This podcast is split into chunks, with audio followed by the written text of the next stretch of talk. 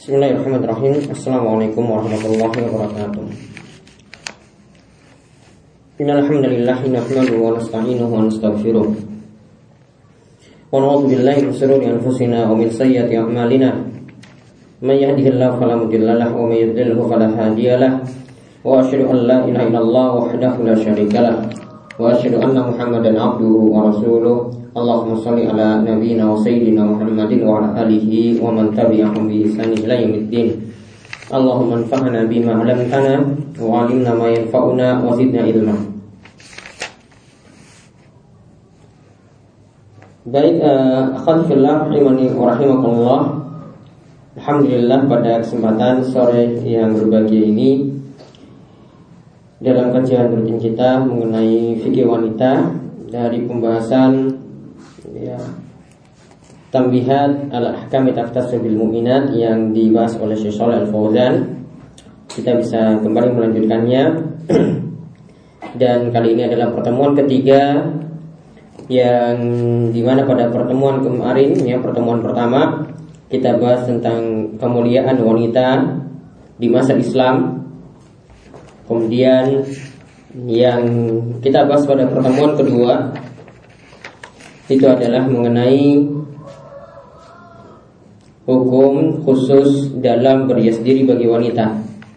Ya, sekarang yang kita bahas yang beliau sebut dalam pasal yang ketiga ahkam takhtas bil haid wal istihadah wal nifas yaitu hukum yang berkaitan khusus ya hukum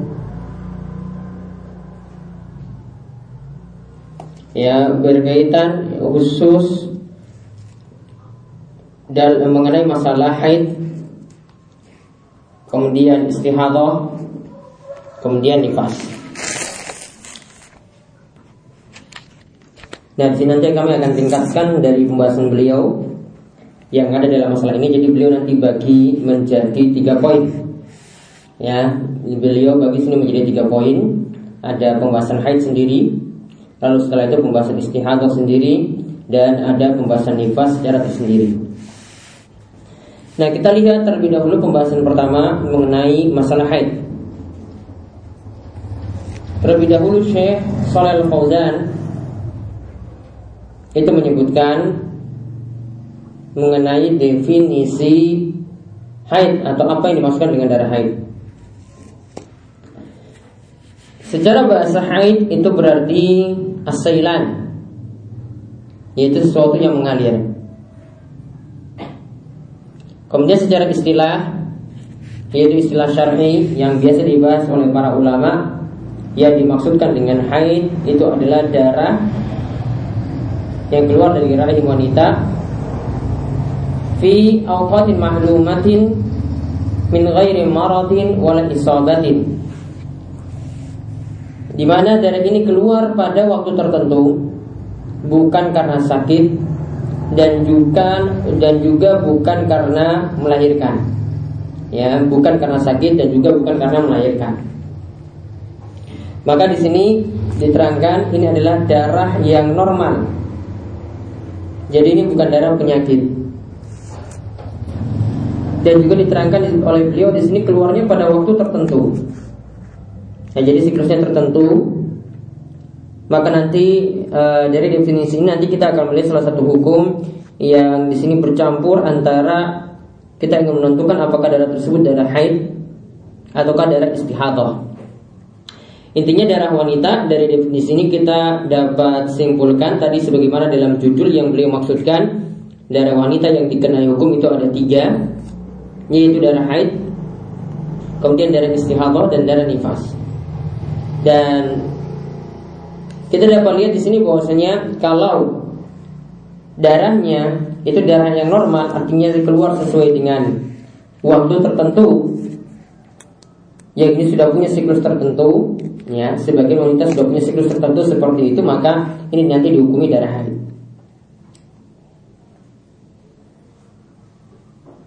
Nah kemudian mengenai hukum yang kita bahas. Ini kita tidak membahas bagaimana dari sisi uh, haid itu sendiri munculnya itu karena apa. Intinya yang para ulama itu biasa bahas ya.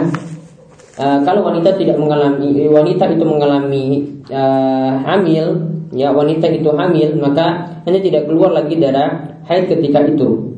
Namun ya haid di sini mereka katakan bahwasanya itu sebagai usapan makanan untuk ya aslinya di sini adalah usapan makanan untuk rahim jadi ketika hamil maka darah haid itu tidak ada lagi. Nanti kalau setelah dia itu keluar bayinya baru nanti darah haid itu akan muncul kembali. Ya sesuai dengan adat kebiasaannya. Kemudian sekarang dibahas oleh beliau. Yang kedua beliau membahas mengenai umur haid itu muncul. Ya umur haid itu muncul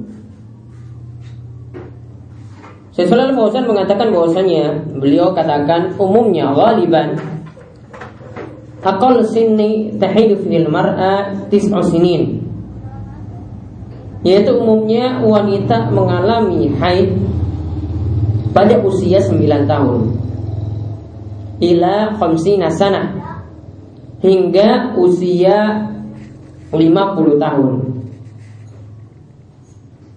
dan di sini beliau menyebutkan firman Allah Subhanahu wa taala dalam surat At-Talaq ayat keempat isna minal min nisaikum in irtabtum fa'iddatuhunna salasatu ashhur wallai lam yaitu Allah Subhanahu wa taala berfirman dan bagi wanita yang monopause jika dia itu ragu akan waktu iddahnya tentang masalah iddah setelah cerai itu ada waktu iddah di mana masa masa wanita itu menunggu sampai boleh menikah lagi. Maka untuk wanita yang menopause ya, wanita yang menopause di sini jika dia ragu tentang masa iddahnya, maka Allah katakan ya fa'iddatuhunna salah satu ashur. Maka masa iddahnya adalah tiga bulan. Kemudian disebutkan lagi walai lam yahid. Ya, dan ini juga berlaku untuk wanita yang belum mengalami haid atau yang tidak mengalami haid. Kalau beliau menyebutkan di sini yang dimaksudkan dengan falla isna wanita yang menopause itu jika sudah mencapai usia 5 50 tahun. Jika sudah mencapai usia 50 tahun. Kemudian wanita yang belum mengalami haid yang dimaksudkan dalam ayat ini adalah hunnas sigar dunatis'i yaitu anak kecil yang usianya di bawah 9 tahun. Jadi anggapan 9 sampai 50 di sini beliau katakan sudah di awal beliau katakan ini ghaliban umumnya.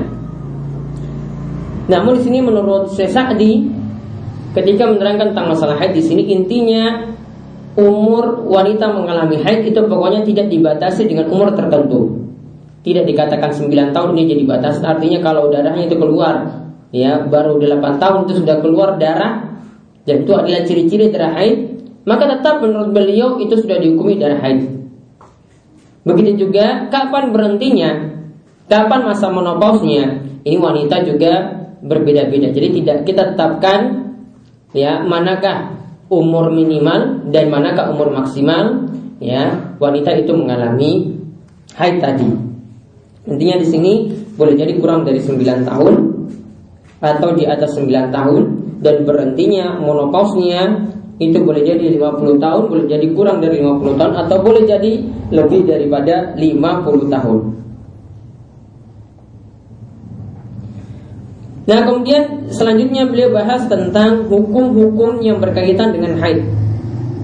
Ahkamul haid. Ya beliau jelaskan tentang hukum-hukum yang berkaitan dengan haid. Di sini ada ada lima poin yang beliau itu ingin tekankan. Ya yang berkaitan dengan masalah haid di sini. Yang pertama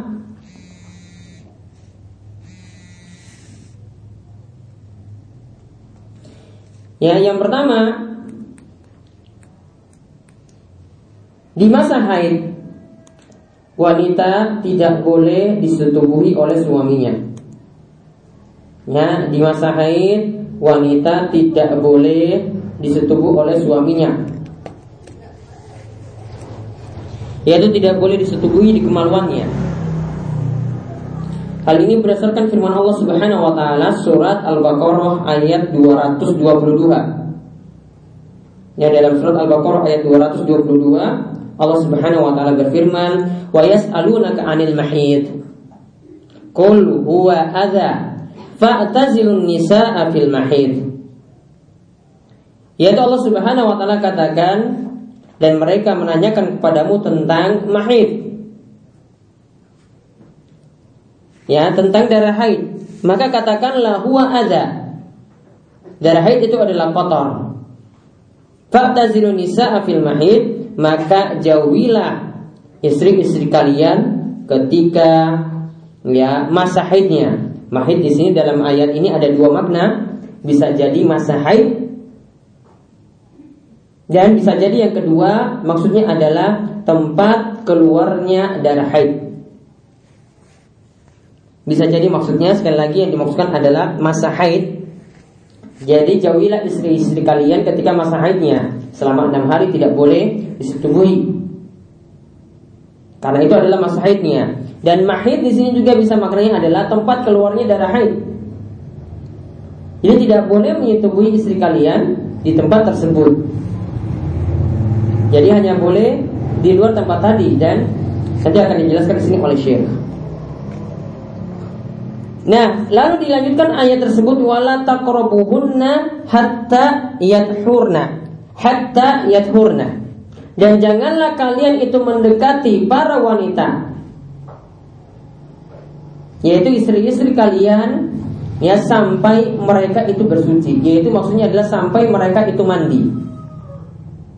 Faiza tataharna fa'tuhunna min haitsu amarakumullah. Jika mereka telah mandi yaitu bersuci maksudnya di sini adalah mandi fa'tuhunna maka datangilah mereka sesuai dengan apa yang Allah Subhanahu wa taala perintahkan. Innallaha yuhibbut tawwabin. Sesungguhnya Allah itu mencintai orang-orang yang bertobat wa yuhibbul mutatahhirin dan mencintai orang-orang yang ya suka akan bersuci. Maka keterangannya tentang ayat ini ini kami bawakan dari tafsir As-Sa'di rahimahullah Yaitu ketika ada ya yang menanyakan tentang masalah mahid, katakanlah bahwasanya mahid atau haid itu adalah kotor. Maka kalau itu dikatakan itu ada, ya maka tidak boleh wanita tersebut didekati. Maka dikatakan dalam ayat selanjutnya Pak nisa afil mahid, jauhilah wanita ya di tempat keluarnya darah saat dia itu mengalami haid. Yaitu dilarang di sini berarti dalam ayat ini sesuai dengan yang diinginkan oleh Syekh Shalal Fauzan yaitu dilarang menyetubuhi wanita yang mengalami haid di kemaluannya. Dari sini kata Syekh Sa'di ini adalah diharamkan ijma'an berdasarkan kesepakatan para ulama.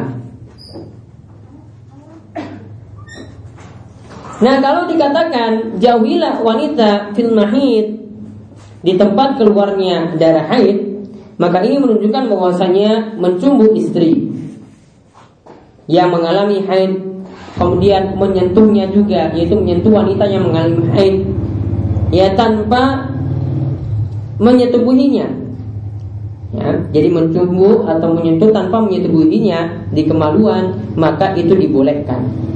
Ya maka seperti itu dibolehkan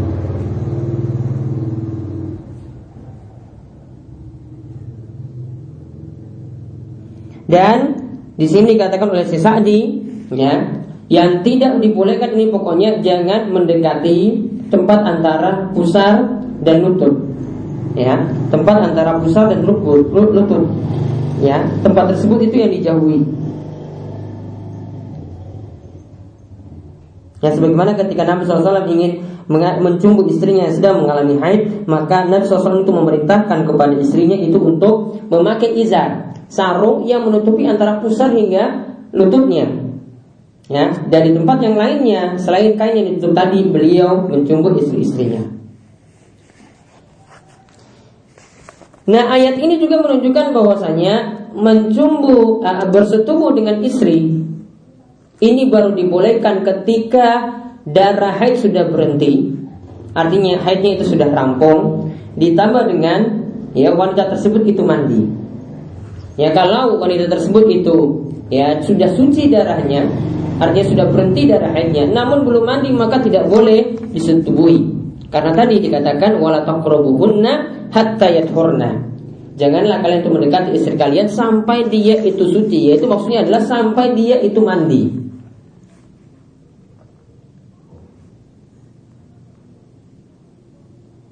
Nah, kalau yang dilarang dalam ayat ini adalah jima bersetubuh, maka sebagaimana telah disinggung tadi dan di sini juga dikatakan oleh Syaikh Fauzan wa yubahu li boleh bagi suami dari wanita yang mengalami haid tadi dia bersenang-senang dengan istrinya dunal jima fil yaitu selain dari bersetubuh di kemaluan. Karena Nabi SAW juga mengatakan dalam hadis yang lainnya isna'u kulla syai'in illa nikah Lakukanlah segala sesuatu kecuali untuk hubungan intim. Yaitu maksudnya lakukanlah segala sesuatu dengan wanita haid tadi kecuali hubungan intim yaitu hubungan intim di kemaluan. Jadi ini poin pertama yang beliau sampaikan tentang masalah hukum haid yaitu diharamkan menyetubuhi wanita di kemaluan saat dia mengalami haid. Kemudian yang kedua Masalah hukum haid yang kedua Kata Salah Fauzan Wanita ketika mengalami haid Tidak boleh melakukan puasa Dan juga tidak boleh melakukan sholat. Dihukumi haram.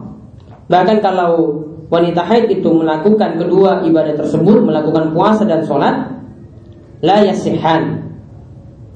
Ibadahnya tidak sah. Di antara alasannya adalah Nabi SAW itu pernah mengatakan, pernah bersabda, "Alaisa idza hadatil mar'atu lam tusalli wa lam tasum." Bukankah kalau wanita itu ya mengalami haid lam tusalli wa lam tasum, ya mereka itu tidak melaksanakan sholat, walam tasum dan juga tidak melaksanakan puasa. Kemudian dalam lanjutan hadisnya disebutkan itulah tanda kekurangan agama wanita. Hadis ini mutafakun alaih diriwayatkan oleh Imam Bukhari dan Muslim. Hadis ini berarti menunjukkan wanita itu tidak sholat dan tidak puasa ketika dia itu mengalami haid. Namun ketika wanita itu sudah suci dari haidnya, maka dia nanti mengkodok puasanya. Namun untuk sholat dia tidak mengkodoknya. Kenapa sholat tidak dikodok kok puasa yang dikodok? Ya, ini berdasarkan hadis juga berdasarkan dalil juga.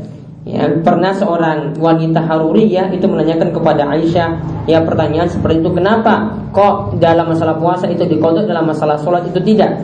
Maka Aisyah kemudian menjelaskan bahwasanya kunna nahidu ala ahdi Rasulillah SAW fakana nu'mar bi qada'i shaumi wa la nu'mar bi shalah.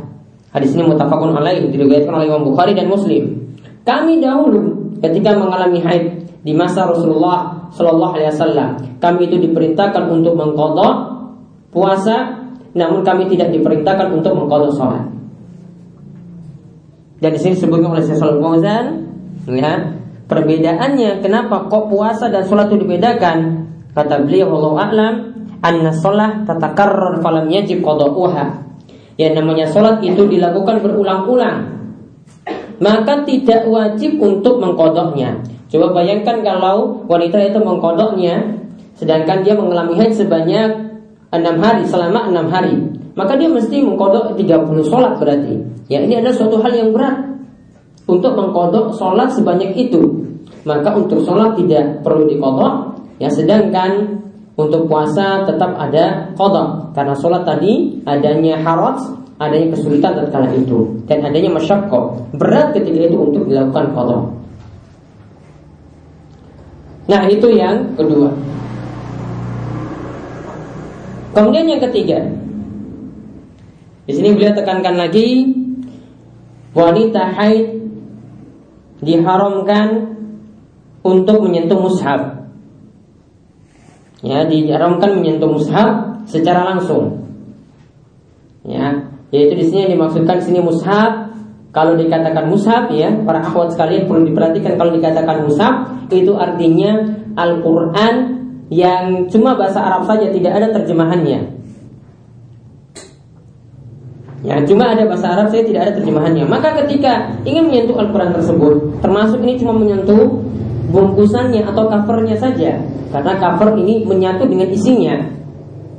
Untuk menyentuhnya, ya bagi wanita haid di sini beliau katakan tidak dibolehkan, kecuali situ pakai hail, ada sarung tangan, ada kain yang lainnya digunakan untuk mengambil Al-Quran tersebut. Kalau digunakan itu tadi berarti dia tidak menyentuh langsung.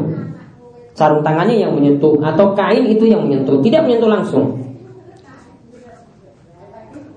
Dan di antara alasan yang alasannya kenapa wanita haid itu tidak boleh menyentuh mushaf Al-Quran. Beliau mengatakan ya menyebutkan firman Allah surat Al-Waqiah ayat 79. La yamassuhu illal mutahharun. Tidak boleh menyentuh mushaf kecuali orang-orang yang disucikan. Dan lafaz mutahharun di sini disucikan ini adalah lafaz yang mengandung banyak makna, lafaz mustarak. Jadi banyak makna yang terkandung dalamnya. Maka ini mencakup semua makna tersebut. Boleh jadi yang di sini dikatakan, boleh jadi yang dimaksudkan adalah malaikat, boleh jadi juga yang dimaksudkan adalah orang yang suci. Itu suci dari apa? Suci dari hadas. Maka dari ayat ini surat Al-Waqiah ayat 79 ini menunjukkan wanita haid juga di sini tidak ter, tidak tidak termasuk dibolehkan. Ya, artinya mereka tidak dibolehkan untuk menyentuh Al-Qur'an berdasarkan ayat ini. Ditambah lagi dengan hadis. Ya, ditambah lagi dengan hadis yaitu Nabi SAW itu mengatakan kepada Amr bin Hizam Beliau mengatakan la yamassul mushaf illa tahir. Tidak boleh menyentuh mushaf Al-Qur'an kecuali orang-orang yang suci. Orang yang suci di sini dimaksudkan apa? Tahir di sini maksudnya adalah suci dari hadas ya suci dari hadas. Bahkan di sini hadisnya dikatakan oleh Syaikh Fauzan yushbihul mutawatir. Hadis yang membicarakan tidak boleh menyentuh musaf Al-Quran kecuali orang-orang yang suci itu sampai derajat mutawatir. Artinya riwayatnya begitu banyak. Lalu beliau katakan kita lakin naslahu bil qabul. Dapat dianggap kaum muslimin itu menerima hadis ini dan Syekhul Islam Ibnu Taimiyah itu mengatakan bahwasanya mazhabul a'immatul arba mazhabul a'immatil arba'ati annahu la yamussul mushaf illa tawahir menurut mazhab imam yang empat kalau disebut mazhab imam yang empat berarti siapa saja? Para akhwat. Mazhab imam yang empat imam yang empat itu siapa saja? Hmm?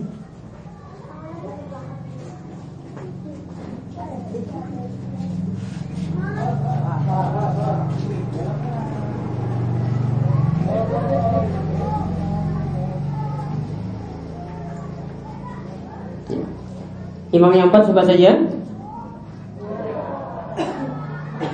Hmm?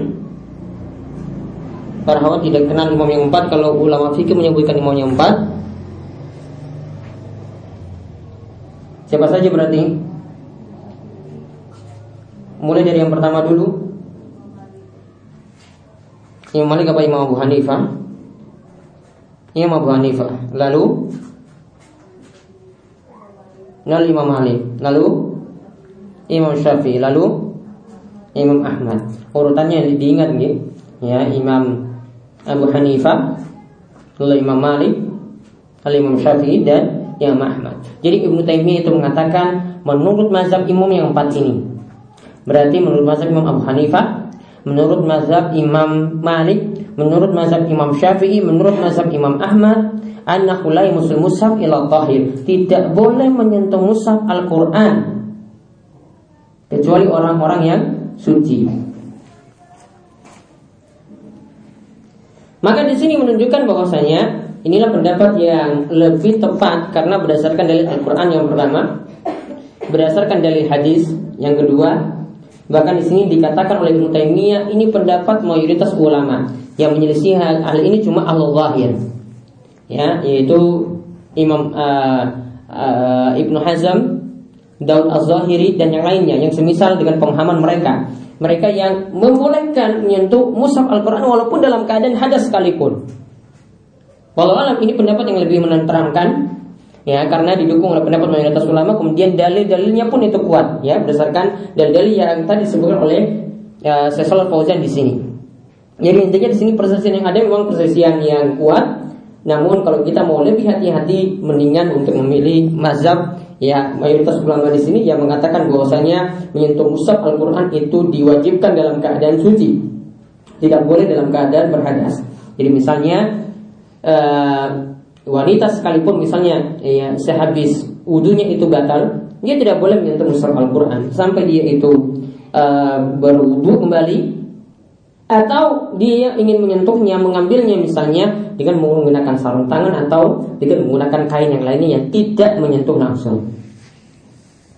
Adapun di sini Sesal Fauzan menerangkan bagaimana dengan hukum wanita haid itu membaca Al-Qur'an.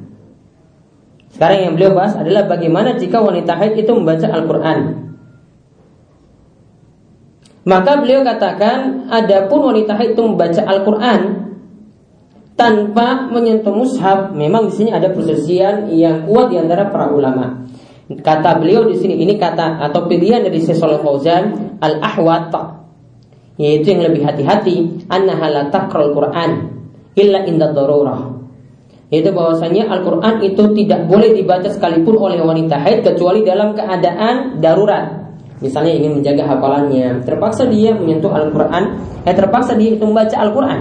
Yang kita tadi bahas menyentuhnya tadi bahasan tersendiri. Sekarang kita bahas membacanya. Terpaksa dia itu membaca Al-Quran, walaupun dalam keadaan keadaan seperti itu. Ini karena kondisi darurat. Ya, sebagaimana uh, ini alasannya tadi karena mungkin dia ingin menjaga hafalannya takut lupa, maka dia tetap membacanya.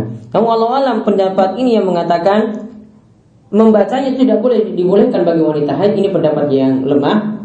Ya, pendapat yang kuat tidak ada larangan untuk membaca Al-Qur'an bagi wanita haid, termasuk juga dia membacanya lewat hafalannya. Ya, yang terlarang itu hanyalah menyentuh mushafnya. Yang terlarang itu hanyalah menyentuh mushafnya. Jadi wanita haid itu boleh membaca Al-Quran misalnya lewat hafalan dia atau dia melihat Al-Quran dari jauh tanpa menyentuhnya dia itu membacanya atau dia memegang Al-Quran dengan sarung tangan dan seterusnya untuk ya mengulang hafalannya ataupun sekedar membaca. Ya dilarang di sini intinya cuma menyentuhnya saja, tidak membacanya karena tidak ada dalil yang tegas yang melarang hal itu. Kemudian masalah hukum haid lagi yang keempat disebutkan oleh Syekh Fauzan yuhram 'alal haidhi at-tawaf bil bait. Wanita haid itu dilarang melakukan tawaf keliling Ka'bah. Ya wanita haid itu dilarang melakukan tawaf keliling Ka'bah. Jadi pernah Aisyah radhiallahu anha itu ingin melakukan uh, manasik haji atau umrah kemudian dia mendapati haid. Kemudian Nabi SAW itu mengatakan kepada Aisyah karena Aisyah ketika itu bersedih. Artinya di sini dia itu khawatir ibadah-ibadah itu jadi sulit. Maka Nabi SAW itu mengatakan kepada Aisyah, if ali ma yaf'alul hajj. Lakukanlah seperti apa yang dilakukan oleh jamaah haji yang lainnya. Ghaira alla tatufi bil bait hatta tadhuri. Kecuali engkau itu melakukan tawaf keliling Ka'bah sampai engkau itu suci. Jadi di sini berarti amalan-amalan yang lainnya selain tawaf itu dibolehkan. Ya misalnya ya untuk sa'i yaitu uh, berjalan dari sofa menuju marwah marwah ke sofa sampai tujuh kali jalan ya, atau tujuh kali putaran nah itu masih dibolehkan ya dia untuk memulainya juga misalnya dalam ketika dia itu berhaji atau umroh yang memulai untuk berihram itu juga dibolehkan walaupun dia sedang dalam keadaan haid. Yang tidak dibolehkan sini adalah cuma melakukan tawaf saja. Ya, jadi misalnya dia ingin melakukan tawaf umroh ataupun tawaf ifadah dia tunggu sampai suci dulu baru dia melakukan ibadah tersebut. Kemudian yang kelima Masalah hukum yang kelima yang berkaitan dengan haid di sini beliau katakan, ya, ini menurut Syekh Fauzan, diharamkan wanita haid itu lubsu fil masjid, yaitu berdiam di masjid. Beliau beralasan dengan hadis ini ya Nabi SAW itu mengatakan inilah uhillul masjidah li haidin wala li junubin. Aku tidak membolehkan masjid itu dimasuki atau didiami oleh wanita haid dan orang yang mengalami junub orang yang sedang junub. Kemudian juga dia beralasan dengan sabda Nabi SAW Beliau beralasan dengan sabda Nabi SAW Innal masjid la yahilul haid wala junub Ya, yang namanya masjid itu tidak halal bagi wanita haid dan bagi orang yang junub. Namun kedua hadis ini ya diberi catatan ya kami beri catatan kedua hadis ini berdasarkan penelitian hadis yang ada hadisnya adalah hadis yang lemah sehingga tidak bisa dijadikan hujah untuk menghukumi larang terlarangnya wanita itu diam di masjid. Dan sini beliau menyebutkan satu dalil lagi. Namun sebenarnya dalil ini yaitu hadis dari Aisyah ini malah jadi dalil bolehnya wanita itu untuk masuk masjid. Yaitu hadis apa dari Aisyah? Aisyah itu pernah mengatakan uh, Aisyah itu pernah Rasulullah SAW itu perintah Aisyah untuk mengambil sejadah di masjid. Dan Nabi SAW perintahkan, wahai Aisyah tolong kamu itu ambil sajadah yang ada di masjid. Kemudian Aisyah itu mengatakan, ini haidun, wahai Rasulullah aku itu sedang haid. Fakal maka Nabi SAW itu mengatakan, inna haidataki haidataki laysat biadik. Yang namanya haidmu itu bukan karena sebabmu. Wahai Aisyah yang namanya haidmu itu bukan karena sebabmu. Lantas ketika itu Aisyah mengambil sajadah yang ada di masjid, padahal sedang haid. Jadi di sini menunjukkan bahwasanya pendapat yang lebih tepat dalam masalah ini tidak terlarang wanita haid untuk berdiam di masjid. Tidak terlarang wanita haid itu untuk diam di masjid. Termasuk di sini untuk ya mendengarkan kajian-kajian atau ada pelajaran-pelajaran penting bahasa Arab ataupun yang lain yang ada di masjid, dia boleh mengikutinya walaupun sedang haid. Jadi ini jadi dalil bolehnya wanita itu masuk wanita haid itu masuk masjid. Nah di sini lima poin yang beliau tekankan tentang masalah uh, hukum haid. Tadi yang pertama tentang apa? Yang pertama tentang apa? Para sekalian wanita tidak boleh disetubuhi. Yang kedua, wanita haid itu meninggalkan sholat dan puasa. Yang ketiga, dilarang menyentuh mushaf. Kalau membacanya gimana tadi kesimpulannya? Masih boleh. Kemudian yang keempat, wanita haid dilarang tawaf. Kemudian yang kelima, berdiam di masjid. Kesimpulannya pendapat yang paling kuat masih dibolehkan. Termasuk juga untuk mengikuti kajian-kajian meskipun sedang haid. Nah, lalu di sini beliau memberi catatan. Sesoal Fauzan memberikan catatan. Hal-hal ini masih dibolehkan untuk wanita haid. Hal-hal apa saja masih dibolehkan? Beliau katakan wanita haid masih boleh membaca zikir. Jadi misalnya dia baca zikir pagi sore, ya, atau zikir ketika turun hujan misalnya, Zikir ketika naik kendaraan. Zikir ketika keluar rumah. Apa zikir ketika keluar rumah? Hmm, apa keluyur gitu saja nggak pakai zikir-zikir? Langsung pergi ke kampus. Nggak ada yang hafal. Hmm, Masa kalah sama anak TPA Apa doanya kalau keluar rumah? Bismillahirrahmanirrahim Allah la haula wa quwata. Masuk rumah. Bismillahirrahmanirrahim. Bismillahirrahmanirrahim. Wala rabbika tawakkalna. Hadisnya dhaif. Yang benar masuk rumah apa? Baca bismillah. Ya. Jadi zikir-zikir tadi untuk wanita haid Bacaan-bacaan seperti ini masih dibolehkan Termasuk juga boleh dia baca tahlil La ilaha illallah Ya, ini ada dalam zikir pagi sore Termasuk juga masih dibolehkan baca takbir Allahu Akbar, baca tasbih subhanallah ataupun doa-doa yang lainnya. Dia masih dibolehkan. Misalnya pada malam Lailatul Qadar. Wanita ayat juga masih ada kemungkinan untuk mendapatkan Lailatul Qadar. Dia mendapatkannya bagaimana? Dia bisa memperbanyak doa ketika itu, bisa memperbanyak zikir ketika itu, memperbanyak istighfar ketika itu dan ini dibolehkan untuk wanita haid.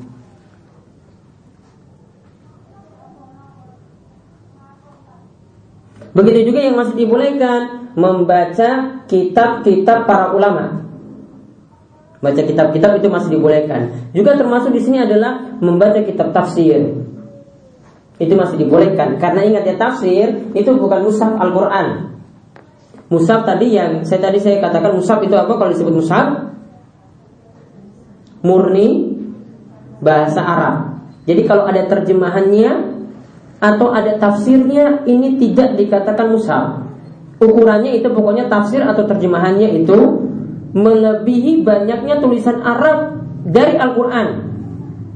Oleh karena itu para ulama dahulu itu menghitung tafsir Jalalain ya ditulis oleh Jalaluddin Suyuti dan Jalaluddin Al-Mahalli. Tafsir Jalalain apakah termasuk mushaf atau tidak? Mereka hitung ternyata bagian tafsirnya itu lebih banyak daripada bagian Qurannya yaitu Quran yang Arab tadi. Maka mereka katakan tafsir Jalalain itu bukan mushaf. Maka ketika ini ketika itu kalau dikatakan bukan mushaf berarti boleh disentuh ketika wanita tersebut mengalami haid. Maka solusi ya di sini jadi solusi juga untuk wanita yang mengalami haid. Ya kami berikan beberapa solusi. Yang pertama wanita yang haid supaya dia bisa baca Al-Quran ya. Yang pertama tadi sudah saya sebutkan apa wanita haid biar bisa baca Al-Quran. Memegang musab tidak secara langsung pakai sarung tangan atau pakai kain. Ya. Kemudian yang kedua di sini memakai Al-Quran terjemahan. Ya memakai Al-Quran terjemahan. Karena Al-Quran terjemahan tadi kesimpulannya bukan mushaf atau yang ketiga pakai Al-Qur'an yang ada tafsirnya. Kalau tafsir ini lebih banyak lagi. Ya kalau terjemahan mungkin hampir sama ya, tapi tetap kata-kata bahasa kita bahasa terjemahan itu pasti lebih banyak daripada bahasa Arabnya. Yang ketiga di sini pakai Al-Qur'an yang ada tafsirnya. Misalnya kita baca dari tafsir Ibnu Katsir, di situ tidak dipersyaratkan menyentuh mushafnya, menyentuh kitab tafsirnya atau menyentuh Al-Qur'an terjemahannya dengan bersuci. Di situ tidak dipersyaratkan. Maka wanita haid sangat mudah sekali untuk membaca Al-Quran jika dia memakai solusi itu.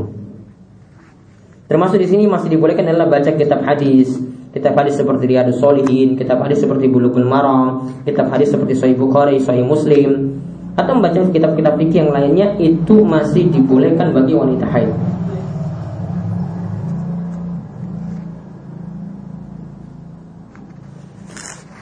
Kemudian wanita haid untuk mengetahui darahnya itu berhenti di sini beliau singgung juga.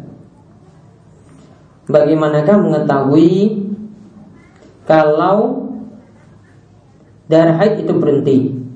Maka ini yang sebagaimana disebutkan oleh para ulama yang lainnya. Mereka katakan wanita itu bisa mengetahui darah haidnya, darah menstruasinya itu berhenti dengan dua cara. Yang pertama, yaitu mengecek pada tempat keluarnya darah dengan kapas kemudian nanti dikeluarkan apakah nanti dilihat sudah bersih ataukah belum? Apakah masih ada bekas darah ataukah tidak? Ada cairan kekuningan ataukah tidak? Ataupun ada cairan kecoklatan. Maka itu nanti akan membuktikan darah haidnya itu sudah berhenti ataukah belum. Kemudian yang kedua ketika sudah terlihat atau keluar lendir putih agak keruh. Yang ini disebut dengan qasatul bayda. Yang ini disebut dengan qasatul bayda. Nah, kalau dua tanda tadi itu sudah ada, salah satu dari dua cara tadi sudah ditempuh dan temukan bahwasanya darah haid sudah berhenti, maka wanita segera untuk mandi. Ya, segera untuk mandi. Kemudian kalau itu adalah waktu sholat, maka dia segera menunaikan sholatnya. Dan di sini mandi jangan ditunda-tunda. Sebagian wanita itu biasanya nunda-nunda mandi dengan alasan malah sholat. Jadi ketika ditanya, e, kamu sekarang sholat apakah belum? Ya, sudah sholat ataukah belum? Dia cuma katakan saya belum mandi. Padahal belum mandinya itu tadi dua atau tiga hari sebelumnya itu dari situ belum mandi. Enggak tahu belum mandi apa, belum mandi haidnya apa, belum mandi beneran. Ya. Intinya di sini menunda mandi seperti ini berarti kalau alasannya supaya malas sholat, maka berarti dia meninggalkan sholat. Yang pada hakikatnya itu dia sudah berniat untuk meninggalkan sholat itu tidak dibolehkan. Intinya kalau wanita itu sudah suci maka dia segera mandi Sebagaimana yang Nabi SAW perintahkan, "Faiza akbalat haidataki fada isolah wa iza adbarat faktasili wa salli." Jika haidmu itu datang maka tinggalkanlah salat. Namun kalau haidmu itu berhenti maka segera mandi lalu tunaikanlah salat. Lalu beliau katakan di sini tentang uh, sedikit tentang cara mandi. Beliau katakan kalau orang ingin wanita ingin melakukan mandi setelah dia suci dari haid, dia pertama kali itu berniat dulu untuk menghilangkan hadas, ya, atau dia berniat bersuci supaya bisa sholat. Kemudian nanti ketika di awal mandi dia ucapkan Bismillah. Namun ucapkan Bismillah di sini sebagaimana wudhu tidaklah wajib. Yang menurut pendapat yang lebih kuat. Ya. Kemudian setelah itu dia mengguyur seluruh badannya dengan air.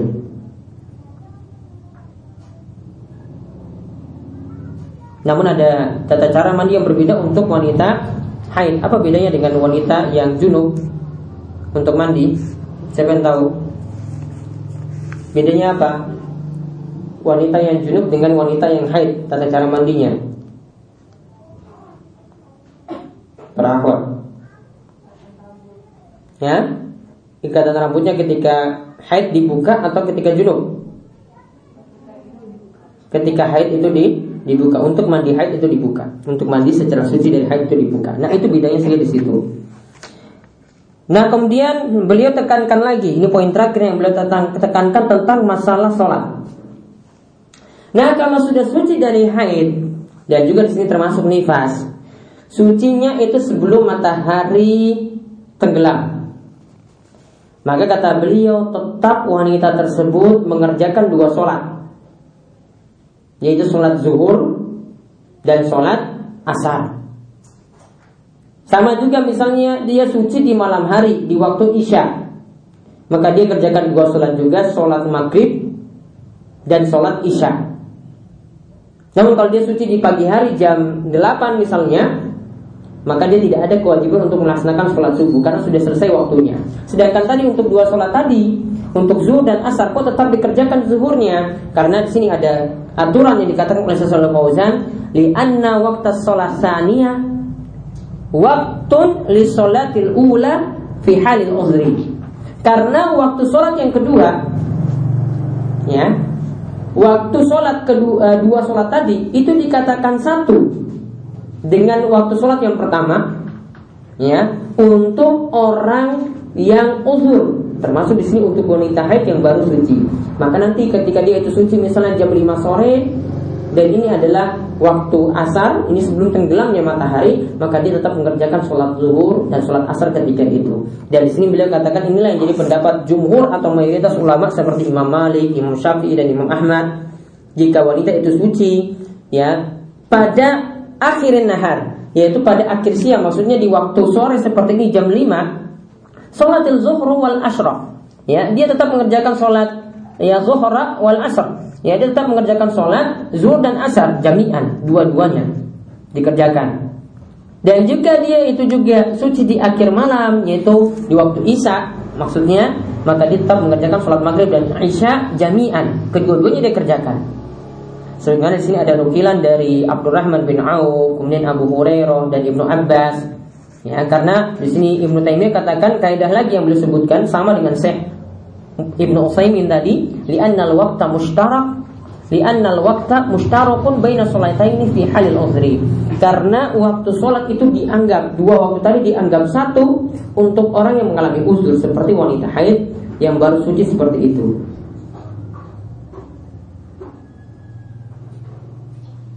Ya, jadi di sini alasannya karena ada foto-foto dari para sahabat yang menunjukkan hal itu. Kemudian satu masalah lagi tentang masalah sholat di sini.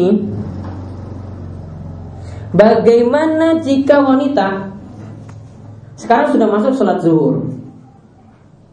Ya, masuk sholat zuhur. Lalu ketika sudah masuk sholat zuhur, Dia kan terserah wanita itu kan terserah mau mengerjakan di awal waktu, di pertengahan waktu ataukah di akhir waktu itu dibolehkan. Nah ternyata jam satu datang haid.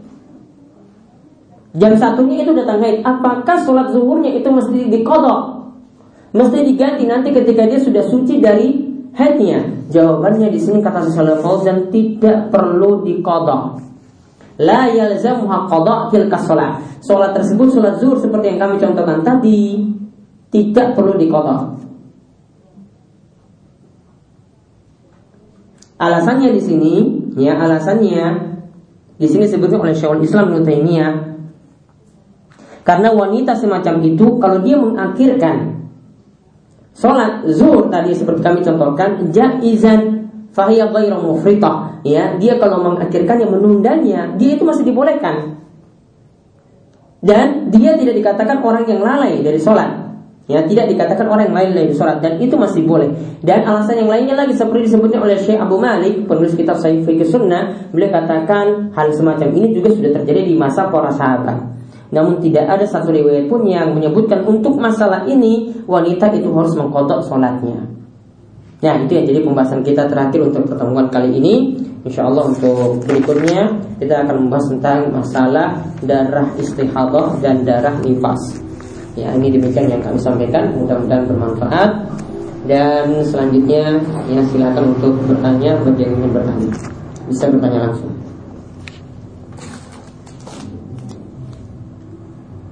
Silakan waktu 10 menit.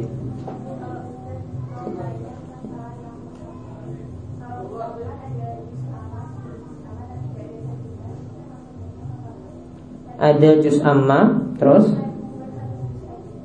Sebenarnya satu saja tapi tidak ada terjemahannya. Maka masih disebut mushaf wallahu karena murni semuanya Arab ya murni semuanya Arab kecuali ada terjemahan-terjemahan kanan kirinya maka ketika tidak dipersyaratkan karena itu mushaf. Ada lagi yang lain?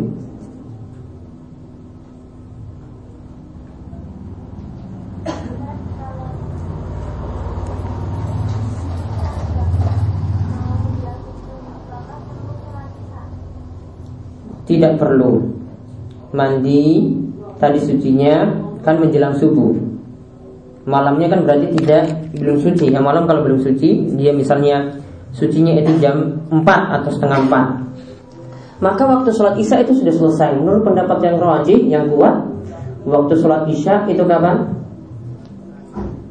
Perawat pertengahan malam. Pertengahan malam itu hitungannya dihitung dari maghrib sampai subuh. Maghrib sampai subuh kira-kira berapa jam? Maghrib sampai subuh kira-kira berapa jam? Hmm? Berapa jam kira-kira? 10 jam. Tengah-tengahnya berarti kan 5 jam. Taruhlah maghrib jam 6 Berarti tengah malam itu jam 11 Jam 11 itu rampung sholat isya Ya, berarti dia sudah lewat waktu sholat isya maka tidak ada kewajiban untuk mengerjakan sholat isya atau ditambah dengan maghrib sekaligus tidak ada. Ya, kecuali kalau dia sucinya jam 9 malam, maka sholat maghrib dia kerjakan, sholat isya dia kerjakan. Ada lagi yang lain?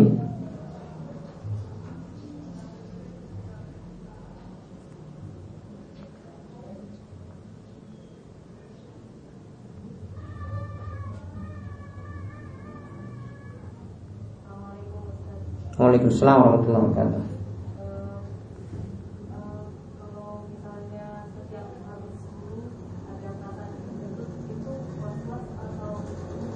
Kalau ingin apa tadi?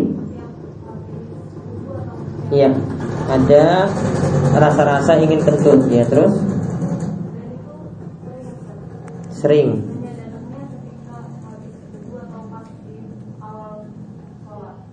itu was-was yang tidak perlu dihiraukan. Ya.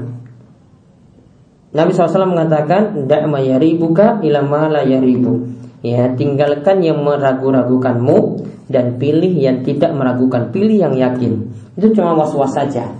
Sampai datang yakin kalau wudhu kita itu batal karena kentut, keluar angin, ya, atau melakukan pembatalan wudhu lainnya baru kita toleh, baru kita lihat wudhu kita kita batal. Namun kalau cuma was-was semacam itu, was-was seperti itu harus pandai-pandai untuk dihilangkan. Ya, dan para ulama juga katakan suatu kaidah al yakinu la yazulu bisyak.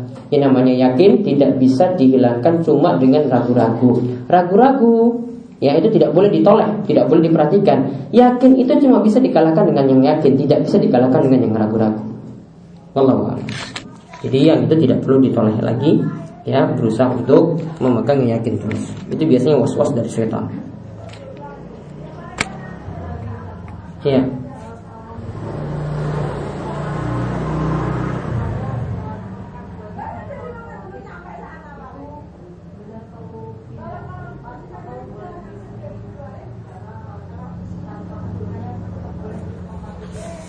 Jadi kalau kita melaksanakan sholat wajib ya kemudian ingin setelah itu melaksanakan sholat rawatib ya maka boleh melakukan di boleh memilih dua cara untuk melakukan sholat sunnah rawatib tadi. Yang pertama baca zikir dulu sampai rampung artinya ada pembicaraan. Ketika itu pembicaraan di sini juga termasuk zikir.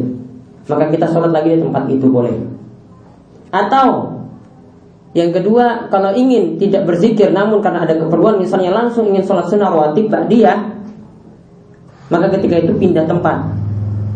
Ya, jadi untuk melaksanakan sholat sunnah rawatib tadi dengan dua cara, yaitu pindah tempat atau rampungkan zikir sampai selesai atau ada pembicaraan yang lainnya setelah itu, ya baru laksanakan sholat sunnah rawatib di situ juga. Jadi lakukan dua cara seperti tadi, zikir atau tidak pindah tempat. Ada lagi?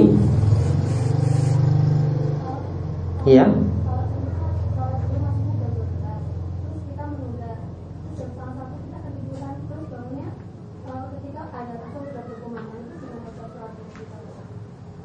Jadi jam 12 suci. Kalau jam 12 kita sedang tidak haid, terus jam 12 itu masuk sholat zuhur. Hmm. Tapi kita masih tidak sampai jam satu selesai, terus kita Hmm. sampai Terus uh, datang haidnya jam berapa? tidak datang haid Kalau tidak datang haid dia cuma menunda saja gitu. Gara-gara menunda ketiduran sampai jam sampai asar. sampai asar. Walau alam dia kodok Ya sholat tersebut dia kodok di waktu asar. Itu dapat dikatakan itu uzur baginya Namun seperti itu tidak boleh diulangi lagi. Jadi kalau memang ini mau istirahat Ya istirahat itu lakukan sholat terlebih dahulu baru istirahat.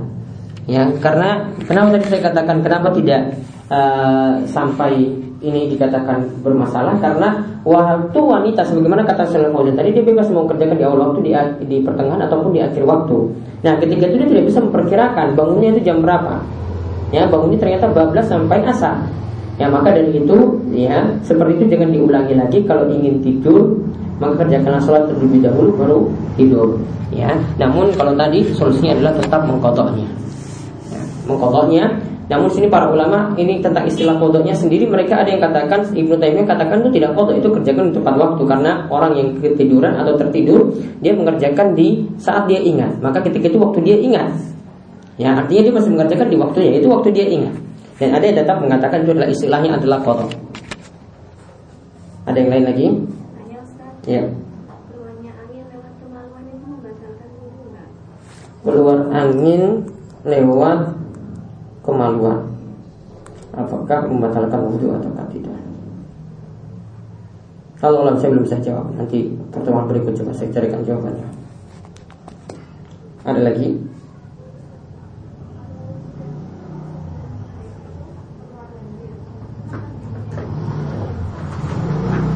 Kemudian lendirnya itu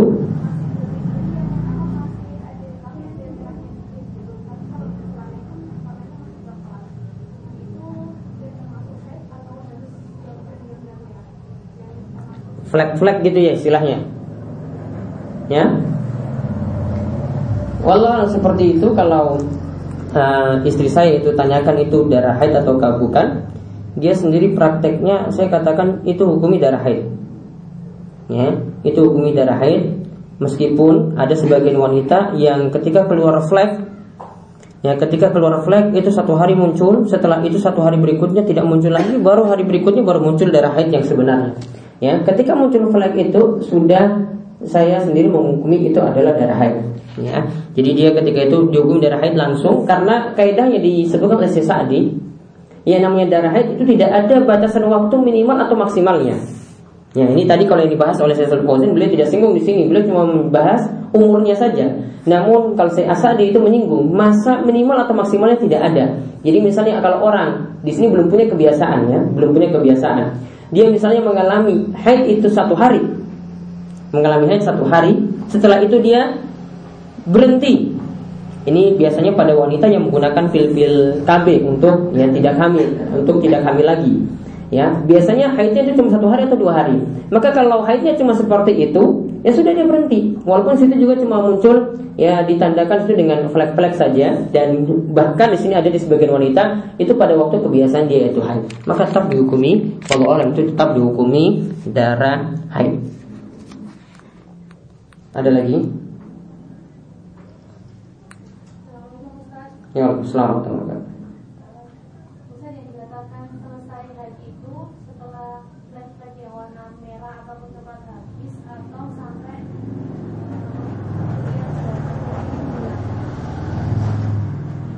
Apakah flek-flek itu sampai habis ya.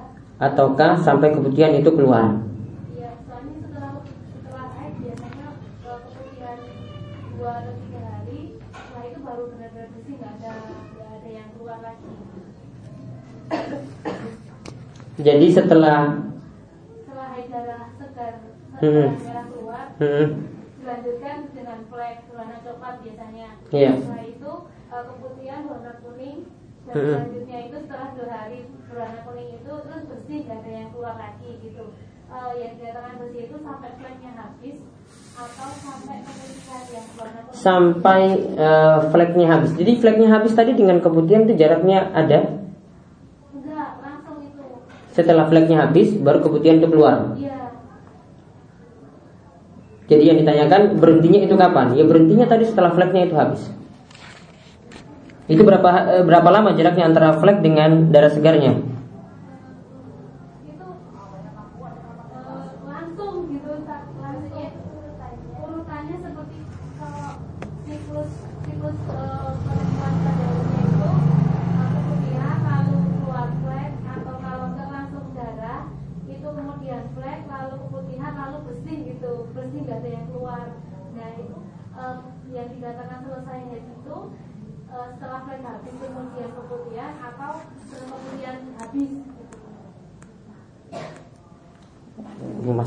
lagi berarti. Inilah susahnya ini kalau laki-laki bahas.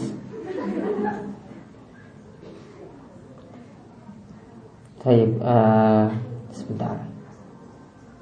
Saya ini masalah haid saya biasanya tanya sama istri. Iya. nah, Coba diterangkan. uh, Jadi itu masih termasuk dikatakan Masih dalam masa haid atau enggak gitu Yang flag tadi? Yang enggak, saya berwarna kuningnya itu cairan yang berwarna kuningnya tadi.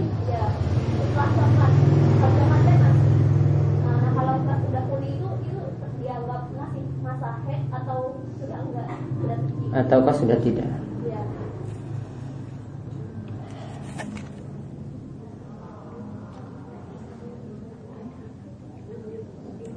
Uh, coba gini saja, ya ini saya kasih solusi bagus. Uh, catat nomor HP istri saya, Iya iya ini nanti saya bisa kalau lewat istri saya saya lebih paham. Nanti nanti dia terangkan nanti ke saya. Ya, kalau dia terangkan ke saya nanti saya paham itu. Ini seperti apa atau saya bisa cari langsung sumbernya. Saya belum bisa jawab. Coba catat nomor HP istri saya saja. Catat nih. Uh, nama Rini ya, Rini. Hmm. 0823 kali 08222 688 0990 0990 0823 kali 688 0990 Nanti terangkan ke istri saya Karena nanti dia yang lebih jelaskan lebih bagus ke saya untuk masalah ini Ya paham ya? ya. Ada lagi yang lain?